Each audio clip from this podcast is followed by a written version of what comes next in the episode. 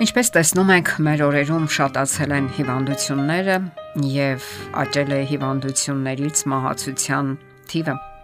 Շատ հիվանդություններ, այսպես ասած, քաղաքակրթության հիվանդություններ են։ Սիրտանոթային հիվանդություններ, քաղցկեղ, շաքարային դիաբետ, ճարպակալում, սթրեսներ, դեպրեսիաներ, սպիդ եւ այլն եւ այլն։ Իսկ ընդամենը մի քանի տարի առաջ կորոնավիրուսը պարզապես ցնցեց ու սարսափահար արեց մարդկությանը։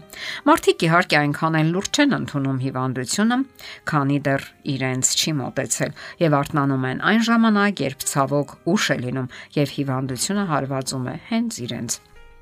Այո, մարդը երբևէ չի հաշտվել մահվան հետ, եւ մինչ ուժեղները պայքարում են, թույլերը հուսահատվում եւ վայր են դնում զենքերը։ Նրանք վհատվում ու ասում են, որ Աստված անարդար է, իսկ իրենք արդար են, ոչինչ չէին արել, սակայն ահա դժբախտություն պատահեց իրենց կամ հիվանդացան։ Ասենք որ այս հարցերի պատասխանները շատ ավելի լավ է որոնել Աստվածաշնչում, քան սեփական դատողությունների ու մտահայեցությունների գրկում։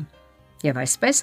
երբ Աստված արարում էր մեր աշխարհը եւ մարդուն, վերջում մի քանի անգամ այսպիսի արտահայտություն օգտագործեց։ Ամեն ինչ բարի է։ Այսինքն այն, ինչ Աստված արարել էր, բարի էր, լավն էր, գեղեցիկ ու կատարյալ։ Այդ թվում նաև մարդկային մարմինը։ Սակայն ժամանակի ընթացքում մարդն ինքը մեղքի հետևանքում եւ հետագա չարաշահումների արդյունքում քայքայեց իր մարմինը եւ այսօր էլ շարունակում են նույն ոգով։ Մեր օրերում առավել քան երբևէ մարդիկ շարունակում են չարաշահել Աստծո տված հրաշալի մարմինը, նրա հնարավորությունները եւ ֆիզիոլոգիայի կանոնները։ Եվ ապա հարցնում են. ինչու՞ Իսկ ճշմարտությունն այն է, որ Աստված երբեք չի ցանկացել եւ այժմ էլ չի ցանկանում, որ մարդը հիվանդանա, քայքայի իր առողջությունը եւ վաղաժամ մահանա։ Մաթեոսի ավետարանում կարդում ենք. Հիսուսը շրջում էր ամբողջ Գալիլեայում, ուսուցանում էր նրանց ժողովարաններում, արխայության ավետարաններ քարոզում եւ ժողովրդի մեջ եղած բոլոր հիվանդություններն ու ցավերը բժշկում։ Նրա համբավը տարածվեց ամբողջ ասորիքով մեկ։ Հիսուսի մոտ բերեցին բոլոր հիվանդներին, որոնք տարապում էին զանազան ցավերից ու տանջանքներից, դիվահարների, լուսնոտների, անթամալույցների, եւ նա բժշկում էր նրանց։ Այս համարները ցույց են տալիս, որ Աստված անտարբեր չէ մարդկային ճակատագրի հանդեպ։ Նա բուժել է եւ շարունակում է բուժել ժողովրդին։ Նրա համար գոյություն ունեն անբուժելի հիվանդություններ եւ անհնար իրավիճակներ։ Այդպես ենք մենք կարդում Աստվածաշնչում։ Աստվածային զորության համար չկան սահմանափակումներ, նույնիսկ մահվան թակավորությունն է նահանջում նրա զորության առաջ։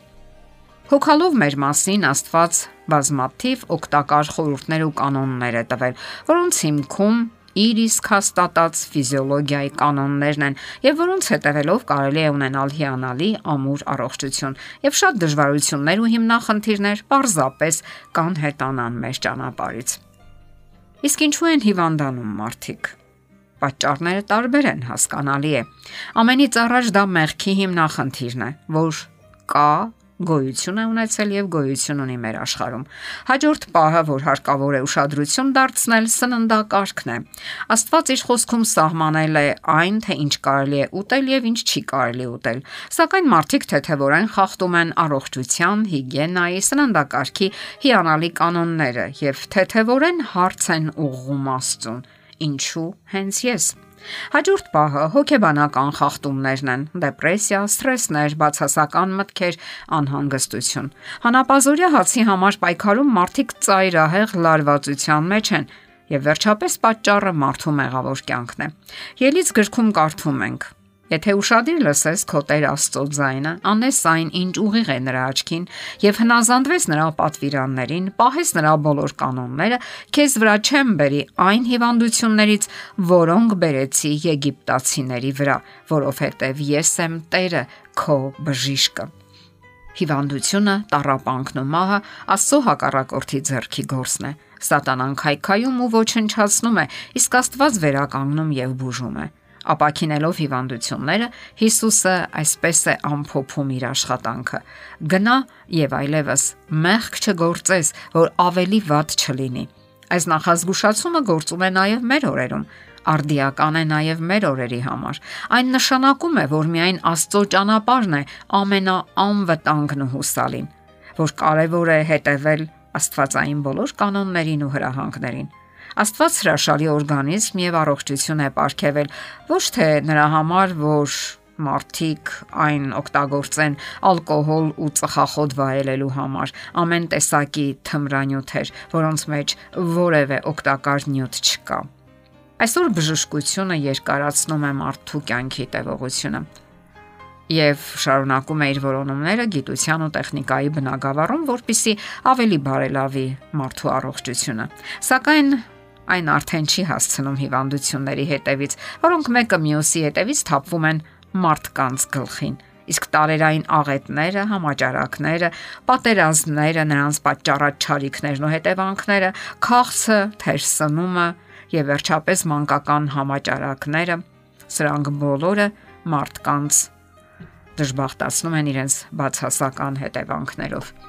Մեր օրերում անկասկած կարևոր է օգտվել ժամանակակից բժշկության անձեռած հնարավորություններից։ Վատ որակի սնունդը, հնարավորություններ չունենալը, թեր սնումը, աղետները, պատերազմը, կենցաղային հարաբերության խարխլումը մարդու առողջությունն են հենց խարխլում։ Դրանք պարզապես ջլատում են մարդու կամքը եւ ապրելու ցանկությունը սակայն հարկավոր է ապրել եւ այն էլ լավագույն առողջությամբ։ Դա Աստծո կամքն է մարդու համար։ Հենց այսօրվանից փորձեք ճիշտ հարաբերվել Աստծո հետ։ Ճանաչեք նրա բոլոր կանոններն ու պատվիրանները, նրա սահմանած օրենքները։